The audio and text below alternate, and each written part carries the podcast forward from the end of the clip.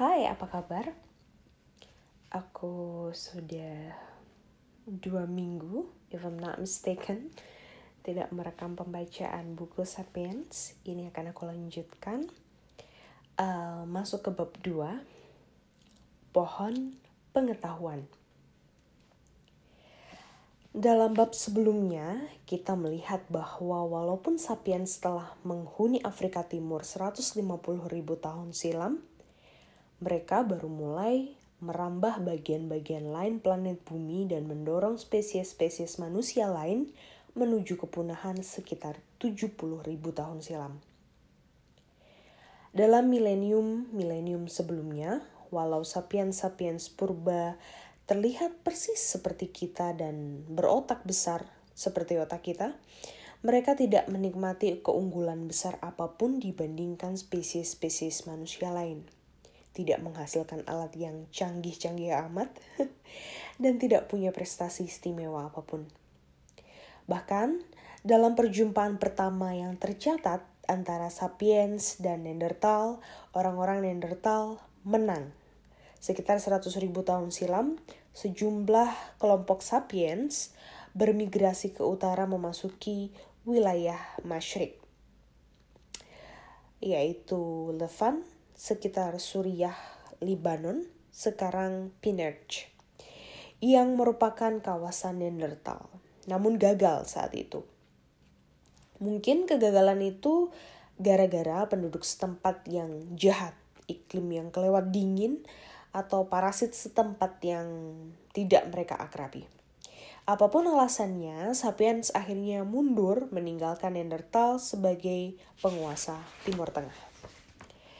Catatan prestasi yang buruk ini telah membuat sejumlah cendekiawan berspekulasi bahwa struktur internal otak sapiens zaman dulu barangkali berbeda dengan otak kita. Mereka terlihat seperti kita, namun kemampuan-kemampuan kognitif mereka seperti belajar, mengingat, berkomunikasi jauh lebih terbatas.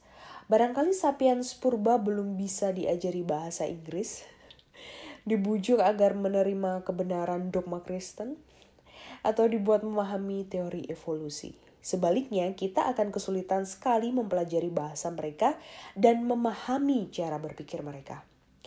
Namun kemudian, dimulai sekitar 70 ribu tahun silam, Homo sapiens mulai melakukan hal-hal yang sangat istimewa. Pada sekitar masa itu, kawanan-kawanan sapiens meninggalkan Afrika untuk kali kedua. Kali ini mereka menyingkirkan orang-orang Neanderthal dan semua sapiens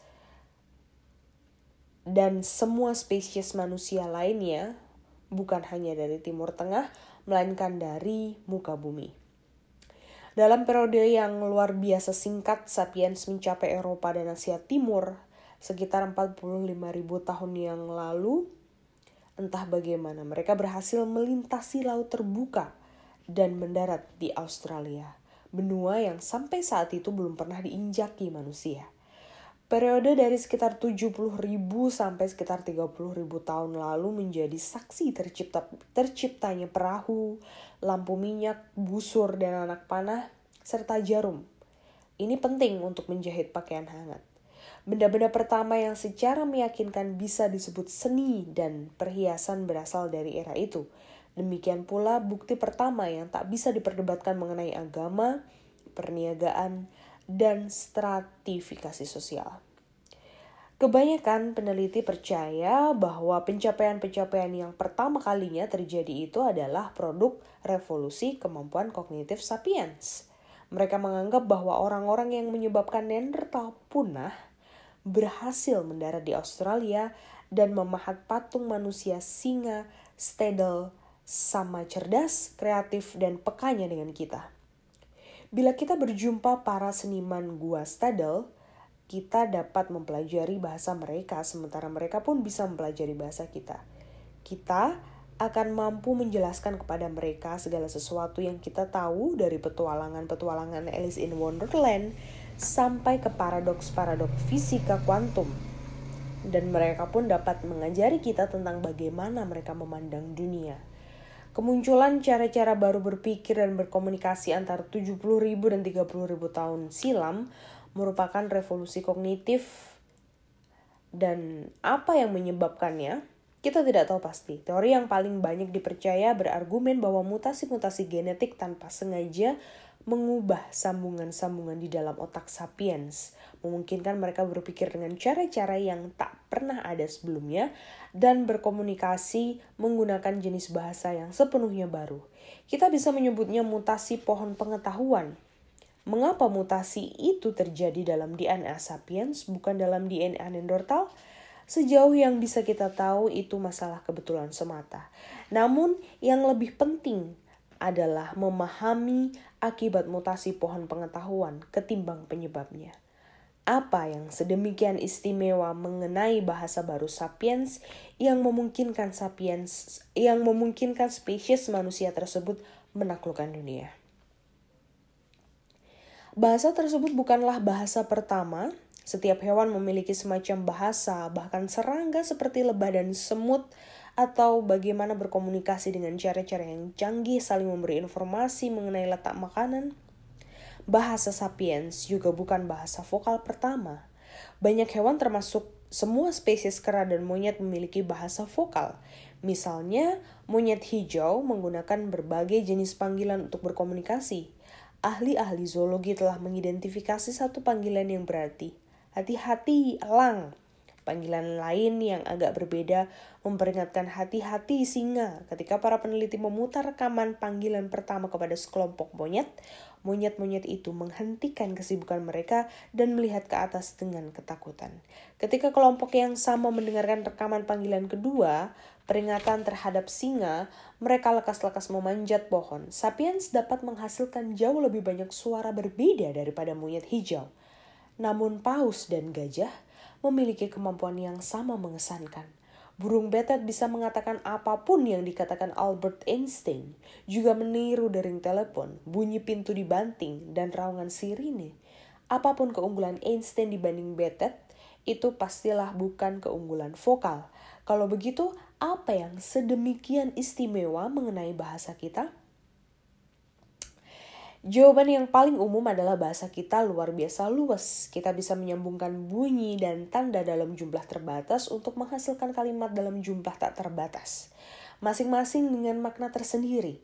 Karena itu kita bisa menelan, menyimpan, dan menyampaikan banyak sekali informasi mengenai dunia di sekeliling kita. Monyet hijau bisa meneriakkan kepada rekan-rekan, hati-hati singa. Namun manusia modern dapat memberitahukan kepada teman-temannya bahwa pagi ini di dekat lekukan sungai, dia melihat singa melacak sekawanan bison. Dia kemudian bisa menjabarkan di mana persisnya dia melihat kejadian itu, termasuk berbagai jalan yang mengarah ke sana. Dengan informasi itu, anggota-anggota kawanan dapat berkumpul dan berembuk apakah mereka harus mendekati sungai guna menghalau singa atau memburu bison.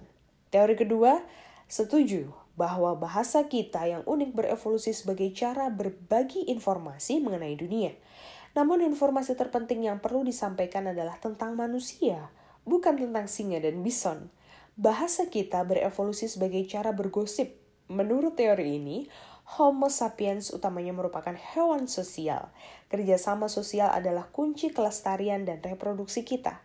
Tidak cukup bagi individu laki-laki dan perempuan untuk mengetahui di mana ada singa, ada bison Jauh lebih penting bagi mereka untuk mengetahui siapa yang dibenci rekan sekawanan, siapa yang tidur dengan siapa, siapa yang jujur, dan siapa yang pembohong.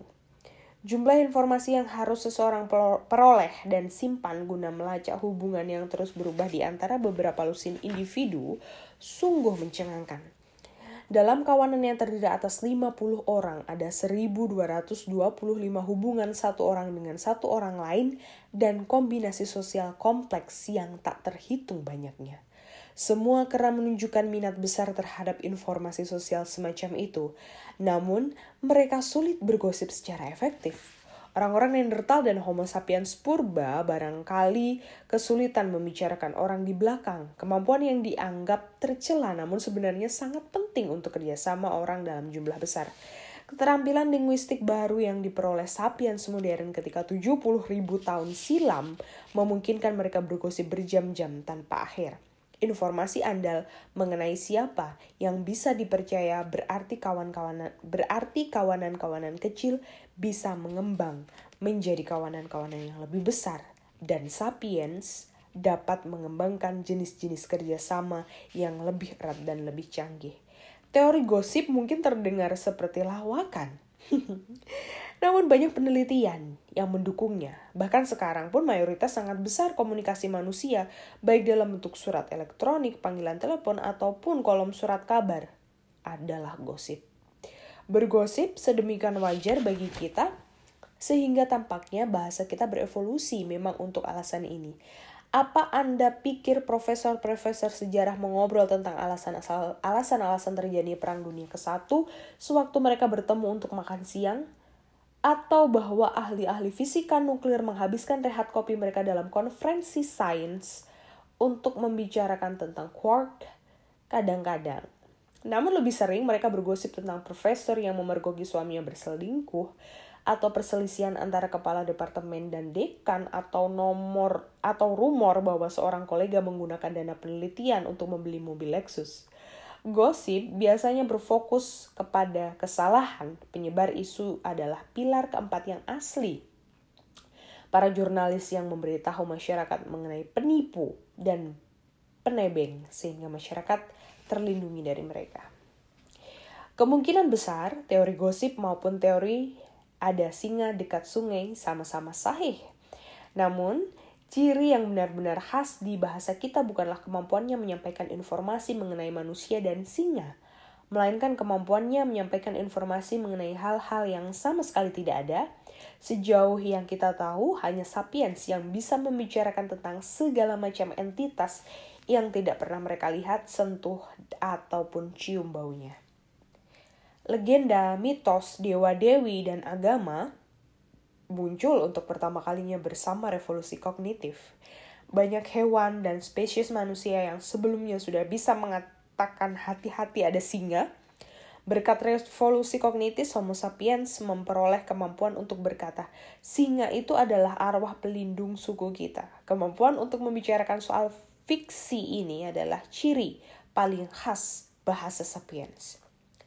Relatif mudah untuk setuju bahwa Homo sapiens bisa membicarakan tentang hal-hal yang tidak benar adanya dan mempercayai enam hal mustahil sebelum sarapan.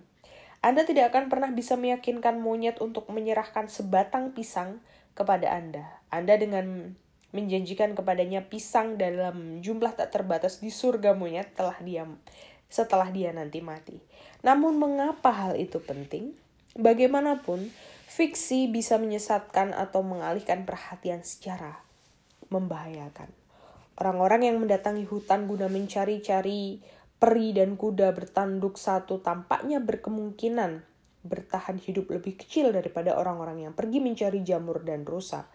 Dan bila Anda menghabiskan waktu berjam-jam berdoa kepada arwah-arwah penjaga yang tidak ada, tidakkah Anda menyanyiakan waktu berharga waktu yang lebih baik dihabiskan untuk mencari makanan, bertarung, dan bersegama.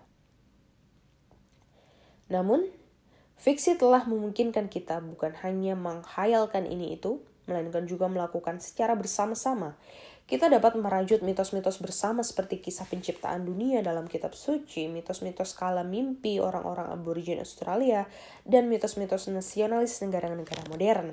Mitos-mitos semacam itu memberikan sapiens kemampuan yang tak pernah ada sebelumnya untuk bekerja sama secara luas dan beramai-ramai.